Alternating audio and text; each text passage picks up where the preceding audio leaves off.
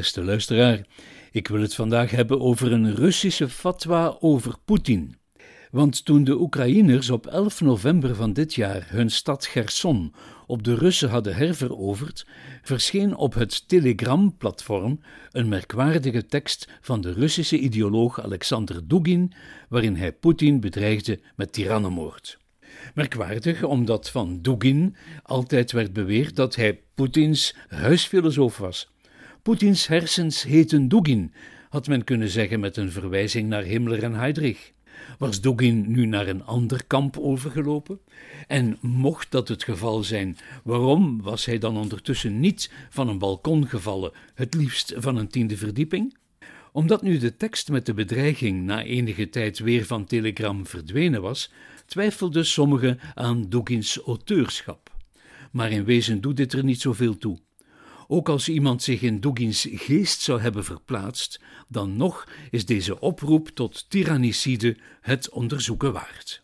Mij interesseert het feit dat de auteur zijn dreigement tegen Poetin probeert hard te maken met een verwijzing naar de eertijds wereldberoemde Britse antropoloog James Fraser die net voor de Eerste Wereldoorlog een twaalfdelig werk had laten verschijnen, waarin hij de magische gebruiken van primitieve en antieke volkeren in alle tijden en over de hele aardbol bestudeerde. Het geheel heet The Golden Bough en in 1922 vatte James Fraser zelf zijn twaalf boeken samen in één beknopte editie van slechts 950 bladzijden.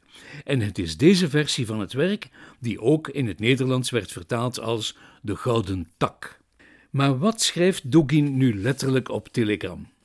Ik vertaal hier de alinea waarin hij naar de Golden Bough verwijst om te suggereren dat een falende Poetin het best kan gedood worden. De autoriteiten, schrijft Dugin, zij zijn hier verantwoordelijk voor, namelijk voor de val van Kherson. Wat betekent immers autocratie, het regime waaronder we nu leven? Wel, het betekent dat we de leider absolute volheid van macht verlenen, opdat hij ons allemaal, het volk, de staat, de mensen, de burgers, zou beschermen in het uur van nood en gevaar. Ook en zelfs als hij zichzelf omringt met stuig, of spuwt op ons sociaal rechtvaardigheidsgevoel, en dat is inderdaad niet aangenaam, dan nog kunnen we zeggen dat hij ons tenminste beschermt. Maar wat als hij dat niet doet? Wel, dan wacht hem het lot van de regenkoning, lees Fraser. Autocratie heeft immers haar keerzijde. Volheid van macht als de leider succes heeft, maar ook volheid van verantwoordelijkheid als hij faalt. Of dacht u dat het er hier anders aan toe ging? Einde citaat. De lezer en de toehoorder voelt zo de bedreiging die van deze alinea uitgaat. Er staat dat als we Fraser lezen, we zullen begrijpen wat hij Dugin met het lot van de regenkoning bedoelt. We moeten dus gaan zoeken, zowel in de beknopte uitgave van 950 bladzijden als in de volledige editie van 12 delen 5000 bladzijden. En daarom vooraf toch nog iets meer over die gouden tak. De ondertitel van het volledige werk geeft aan dat het gaat om A Study in Magic and Religion. Maar dat zegt nog niets over wat Fraser eigenlijk bedoelt. Er had misschien beter gestaan vegetatiemythen en riten bij de primitieve mens.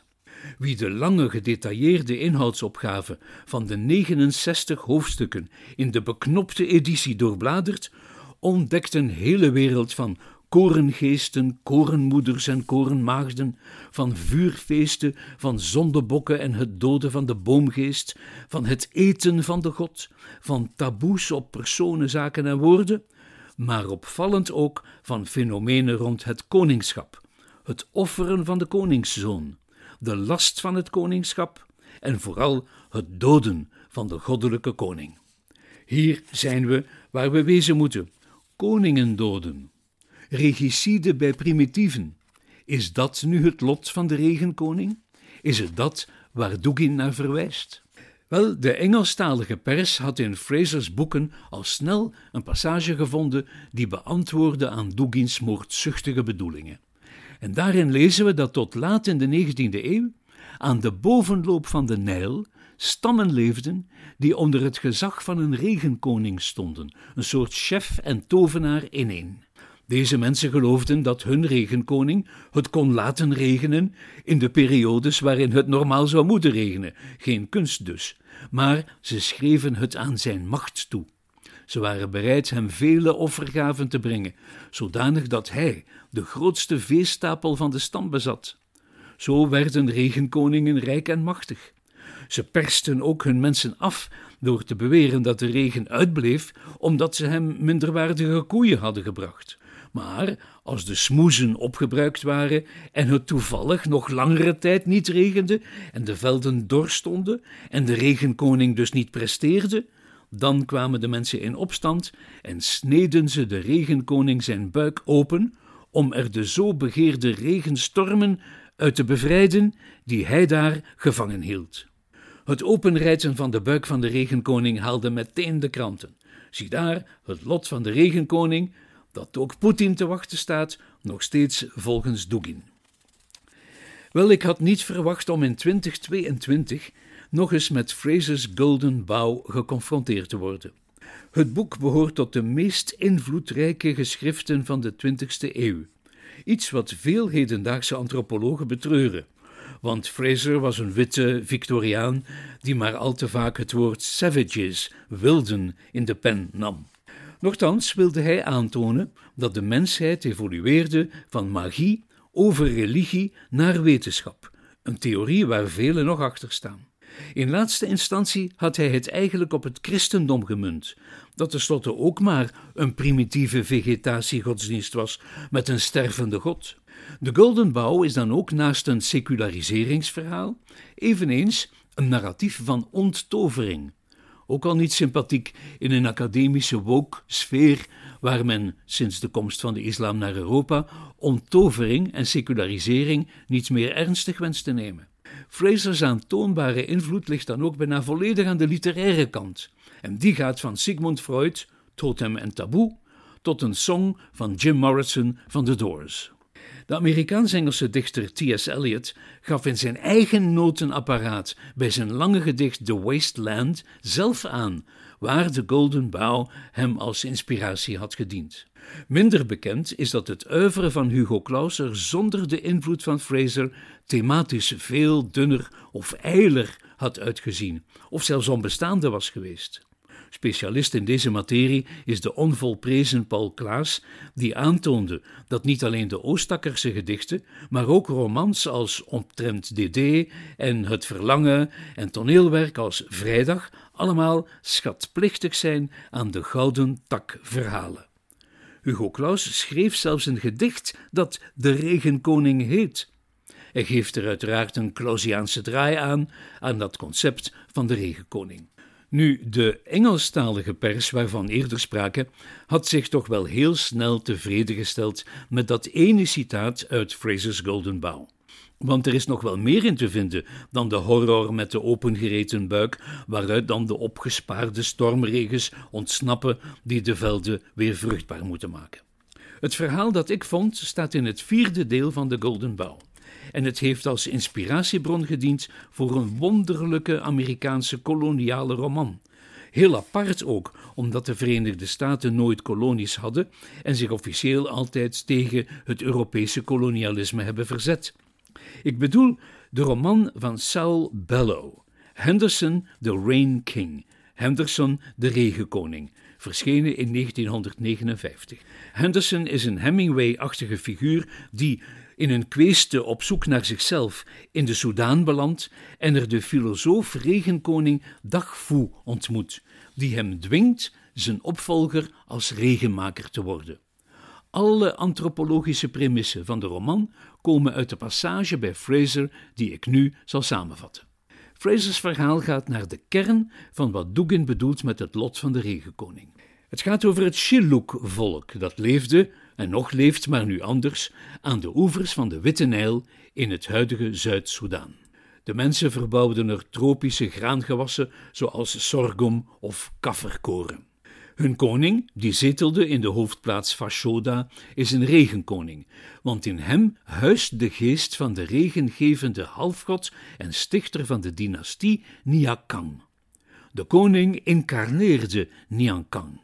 Door bemiddeling van Niakang kon de koning het doen regenen, zodat de sorghum welig tierde, het vee gedijde en de mensen dus genoeg te eten hadden. Maar dat kan allemaal slechts zolang de koning gezond blijft. Hij moet maar niet oud of zwak of seniel worden, want met zijn verminderende kracht zou ook de goddelijke koningsgeest van Niakang, die in hem woont, mee verzwakken. De regen zou uitblijven en dus zouden ook de gewassen verdorren, het vee de pest krijgen en de mensen van honger sterven. Zo'n koning is geen blijvertje. Er moet ook vermeden worden dat hij van ouderdom sterft, want dan is het met de koningsgeest die in zijn opvolger moet incarneren nog erger gesteld. Om nu het ogenblik van het lot van de regenkoning te kunnen vaststellen, komt het er dus op aan om exact te bepalen wanneer de eerste symptomen van achteruitgang, fysieke achteruitgang, zich manifesteren. En daartoe bestaat een eenvoudige graadmeter. De koning heeft namelijk een groot aantal vrouwen tot zijn beschikking, die verspreid wonen in een even groot aantal hutten rondom het paleis in Fashoda. In zijn roman noemt Sal Bello het getal van 67 vrouwen. De koning is gezond als hij ze allemaal geregeld kan bevredigen. Van zodra zijn krachten beginnen af te nemen, van bij het eerste spoor of zweem van verminderde potentie, gaan die vrouwen dit droevige feit rapporteren aan de tovenaars en de stamoudsten. En die weten wat hen te doen staat. Nu, als Dugins analogie klopt, dan is Poetins ondergang begonnen op de dag dat hij niet meer met naakt bovenlijf op een pony werd gezien. Nu al verschijnen in de kranten overzichten en lijstjes van vrouwen in Poetins leven, die de waarheid al lang aan de Russische oligarchen hebben gerapporteerd. De Russische ziel verblijft liefst niet in een kapot lichaam. Het wachten is dus alleen nog op die ene overlevende oligarch die, precies door te overleven, bewezen heeft de Russische ziel op een gezonde wijze te kunnen incarneren. Want wat de regengeest is voor de Shiluk, is de Russische ziel of de Russische idee of de Russische ideologie voor Dugin. Geesten en zielen blijven, lichamen vergaan. De stamoudsten laten de regenkoning hun beslissing weten door een wit doek op hem te leggen terwijl hij aan zijn middagdutje bezig is. De executie volgt snel op de ter dood veroordeling. Ze bouwen er een speciale hut voor en sluiten er de koning in op, samen met een huwbare maagd, en ze wachten tot ze de eerste worm uit hun mond zien kruipen. Toen onder de invloed van het christendom deze methode te werd geacht, gingen ze over tot simpele wurging. De leeftijd van de regenkoning lag door de band tussen de 40 en de 50 jaar. Sterven van ouderdom was taboe. Wie het toch overkwam, werd nog net levend met vier speren aan zijn sterfbed gespiest. Een heroïsche dood verzekerde immers de toekomst. Deze terechtstellingen betekenen niks persoonlijks, nothing personal, zoals in The Godfather. In die zin dat ze niets te maken hadden met antipathie of met wraakzucht, maar gewoon met de verzwakking van de vleeselijke huls van de regenkoning, die het niet meer waard was de behuizing van de goddelijke regengeest te zijn. De praktijk van de koningsmoord was het beste bewijs van de eerbied die de Shiluks koesterden voor het koningschap. Voor wat Fraser en Sal Bellow beschreven als primitieve gebruiken en overtuigingen, bestaat in de Europese geschiedenis nog een andere metafoor, namelijk die van het dubbele lichaam van de koning.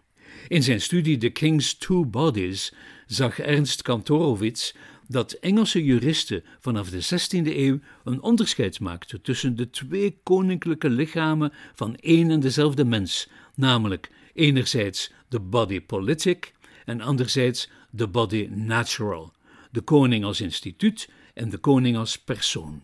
Volgens deze mystieke fictie is het de persoon die sterft. De koning als bediening of instituut is onsterfelijk. In de redenering van de Soedanese Shiluk wordt het idee van de koning als instituut juist versterkt door de niet meer dienstige koning als persoon te doden. Dat lijkt Dugin dus ook te denken. En ook Fraser's allerlaatste zin in zijn Golden Bough zowel in de beknopte als in de volledige versie luidt: Le roi est mort, vive le roi. En toch is het in Dugins interpretatie geen geruststellend idee. De falende koning moet immers afgezet worden en gedood worden, opdat de nog fanatiekere opvolger zijn verwaarloosde taak eindelijk helemaal zou afmaken in dienst van de Russische ziel. En in die zin mag Poetin gerust nog een paar jaartjes aan de macht blijven. Dit was een episode van Doorbraak Radio, de podcast van doorbraak.be. Volg onze podcast op doorbraak.be/radio of via Apple Podcasts, Overcast of Spotify. Bezoek ook onze website op doorbraak.be en steun ons door een vriend te worden van Doorbraak.